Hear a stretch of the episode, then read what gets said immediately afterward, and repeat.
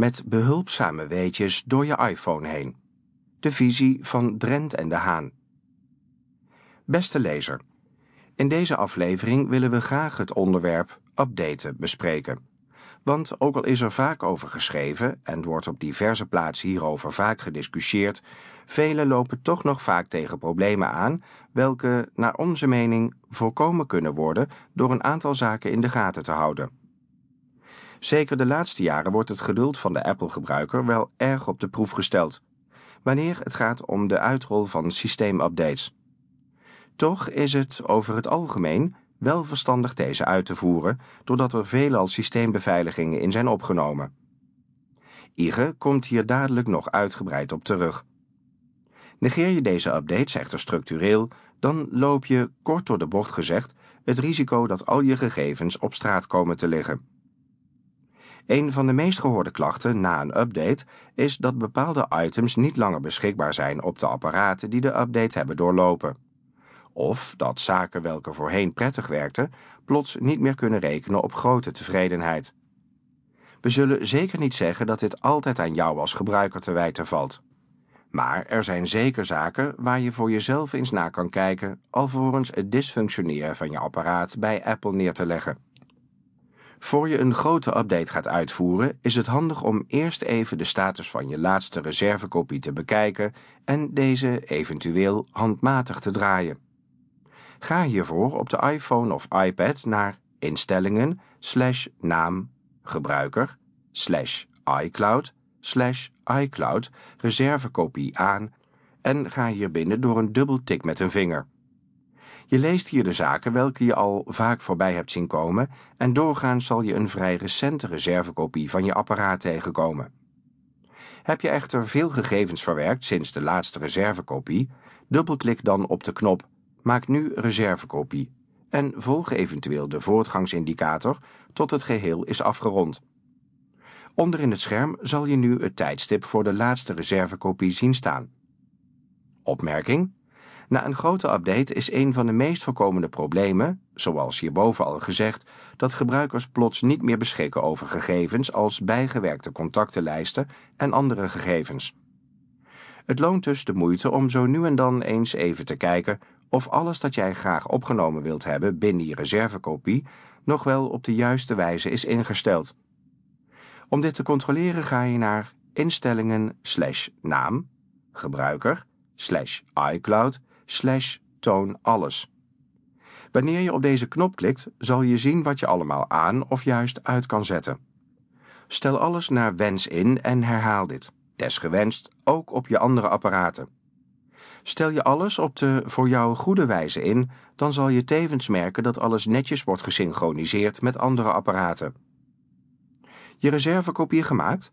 Dan kan de update van iOS wat ons betreft gestart worden.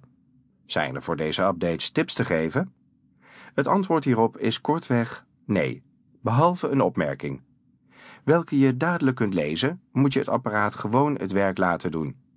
Ga naar instellingen slash algemeen slash software update en start de update. Afhankelijk van hoe jij het zelf ooit ingesteld hebt, wordt de update vanuit deze positie gestart. Wij kiezen er zelf nooit voor het updateproces automatisch te laten starten. Want hier volgt de meest belangrijke opmerking die we kunnen maken. Neem er de tijd voor. Zeker wanneer een volledig nieuwe versie van iOS beschikbaar komt, is het van belang dat het toestel de kans krijgt de installatie op de juiste manier af te ronden. We zullen zeker niet zeggen dat Apple de updates altijd goed voor elkaar heeft.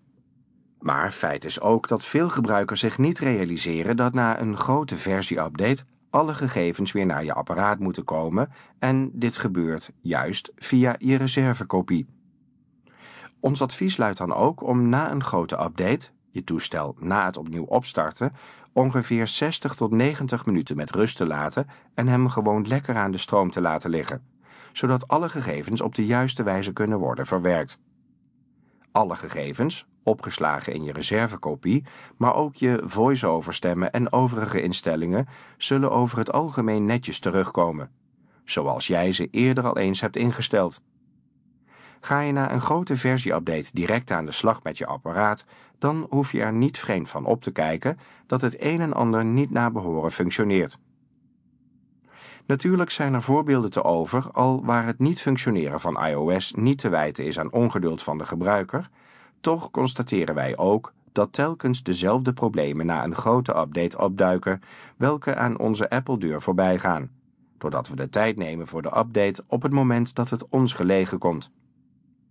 Dan heeft mijn collega Ige hierover ook nog het een en ander te melden. Dus, Ige, ga je gang. Dan is een eeuwig punt van gesprek ook de vraag: wel of niet updaten. Op enig moment houdt de ondersteuning van het toestel gedeeltelijk op. Dan moet je je afvragen of updaten zinnig is, maar over het algemeen geldt toch wel dat de updates van belang zijn omdat deze updates vaak kritische beveiligingsupdates bevatten die je apparaat beschermen tegen potentiële cyberaanvallen. Bovendien bieden updates vaak nieuwe functies en verbeteringen voor de prestaties van je apparaat. Daarnaast, als je een oudere versie van iOS gebruikt, kan het zijn dat sommige apps of functies niet meer ondersteund worden. Dit kan betekenen dat je niet langer in staat bent om de nieuwste apps te downloaden of dat bepaalde functies niet meer werken. Door regelmatig te updaten kun je ervoor zorgen dat je apparaat de meest recente beveiligingsupdates en functies heeft. Een ander belangrijk aspect van updates is dat ze helpen om de batterijduur van je apparaat te verlengen. Oudere versies van iOS kunnen het apparaat sneller laten leeglopen, terwijl nieuwere updates de energie-efficiëntie van het apparaat kunnen verbeteren. In het algemeen is het dus aanbevolen om regelmatig updates te installeren voor je iOS-apparaten, om ervoor te zorgen dat je apparaat beveiligd is, de nieuwste functies heeft en de best mogelijke prestaties levert. Dit geldt eigenlijk voor alle software die je gebruikt, of het nu Windows, iOS of Android is. Constant zijn er mensen bezig om gaten in de beveiliging van deze software te vinden en vinden die ook. Het laatste wat je wilt is dat je gehackt wordt en deze updates dichten die gaten die gevonden zijn. Ondanks dat Apple voor het uitbrengen van een nieuwe versie deze eerst test bij ontwikkelaars en belangstellenden, gaat er best wel eens wat mis. Dat zal je meer dan eens hebben ervaren en dat is precies de reden dat mensen soms wat huiverig zijn om te updaten. Toch hoop ik dat ons schrijfsel je ervan zal overtuigen om, zodra er een update is, deze dan ook meteen binnen te halen en eventuele bugs, zoals dat heet, maar voor lief te nemen. Zeker wanneer jouw apparaat nog een aantal iOS-versies meegaat, is het naar onze bescheiden mening aan te bevelen niet te lang te wachten met updaten. Of je moet er wel een bijzonder goede reden voor weten te vinden. Dan is er ook nog de vraag hoe te updaten, via wifi, via de Mac of PC. Hier verschillen de meningen nogal over. Al wordt over het algemeen aangenomen dat het updaten via Mac of PC in elk geval een schonere installatie oplevert. Ook al is dit niet echt goed te controleren, zit er wel een kern van waarheid in. Zeker wanneer we het hebben over het totale herstel van je iPhone of iPad na een totaal falen van de software. We hebben het in dit artikel echter over updaten van iOS vanuit een reguliere uitgangspositie, waarbij alles gewoon goed werkt. Zeker bij een apparaat dat het prima doet, kiezen wij er niet snel voor om een update via de Mac of PC te doen. Op zich werkt het via de Mac redelijk soepel, maar net als op een Windows-machine, waarbij iTunes apart moet worden geïnstalleerd, duurt het allemaal erg lang. Een extra opmerking moet bij iTunes voor Windows gemaakt worden, want zolang het updateproces loopt, kun je beter geen enkele toets aanraken, daar de focus van je screenreader, eenmaal verdwenen van iTunes, nooit meer op de juiste manier terugkeert en je dus niet meer kunt volgen wat de voortgang van de update is. Kortom, wat ons betreft bij een reguliere iOS-update doe je jezelf een plezier dit gewoon via een wifi-verbinding te doen. Automatiseringen en of opdrachten binnen handbereik. Over updaten gesproken. Er zijn recent twee nieuwe functies beschikbaar gekomen voor Seeing AI namelijk binnenshuisnavigatie en wereldherkennen. Beide zijn met een opdracht te activeren. Open Seeing IA.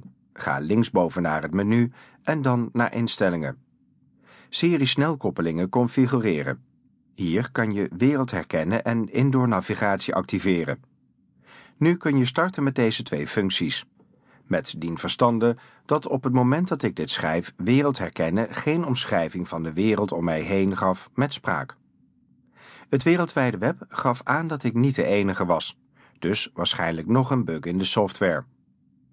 Indoor navigatie deed het evenwel prima, werkt eenvoudig en geeft met behoorlijk wat gebruikersgemak goede routes weer welke je zelf gemaakt hebt.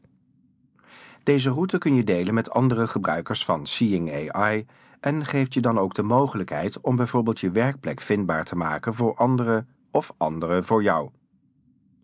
Dan nog een laatste opmerking als het gaat over het updaten van je systeem. Een onderdeel hiervan is natuurlijk ook het gedeelte apps, welke allen met enige regelmaat moeten worden bijgewerkt. Doordat we graag zelf bepalen wat wel en niet moet worden bijgewerkt, hebben wij de automatische functionaliteit met betrekking tot het updaten van apps uitstaan. In de praktijk houdt dit in dat je dit dus ook handmatig moet doen. Houd bij deze keuze wel het oogpunt van veiligheid in de gaten. Wanneer bijvoorbeeld je bankieren-app een update aangeeft, voer deze dan uit en wacht hier niet mee. Voor veel andere apps kan je de keuze natuurlijk prima laten afhangen van hoe een bepaalde app voor jou en je toegankelijkheidssoftware werkt.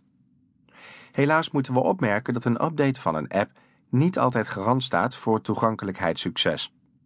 Meestal voeren wij de updates uit op een tweede toestel, dat niet dagelijks wordt gebruikt, om vervolgens te zien of alles nog na behoren werkt. Pas daarna gaat het apparaat voor dagelijks gebruik voor de updateronde op. Heb je echter niet die mogelijkheid en ben je niet zeker of je een bepaalde app-update wel moet uitvoeren, informeer dan eerst eens in je omgeving welke ervaringen van anderen zijn. Met name een app als Facebook heeft nogal eens de vervelende gewoonte er niet op vooruit te gaan na een update. Wij danken je weer voor de aandacht waarmee je dit schrijven hebt gelezen. En je weet het toch? Vragen of opmerkingen. Stuur ze in en ze belanden vanzelf op ons bureau. Met vriendelijke groet, Ige de Haan en Jan Drent.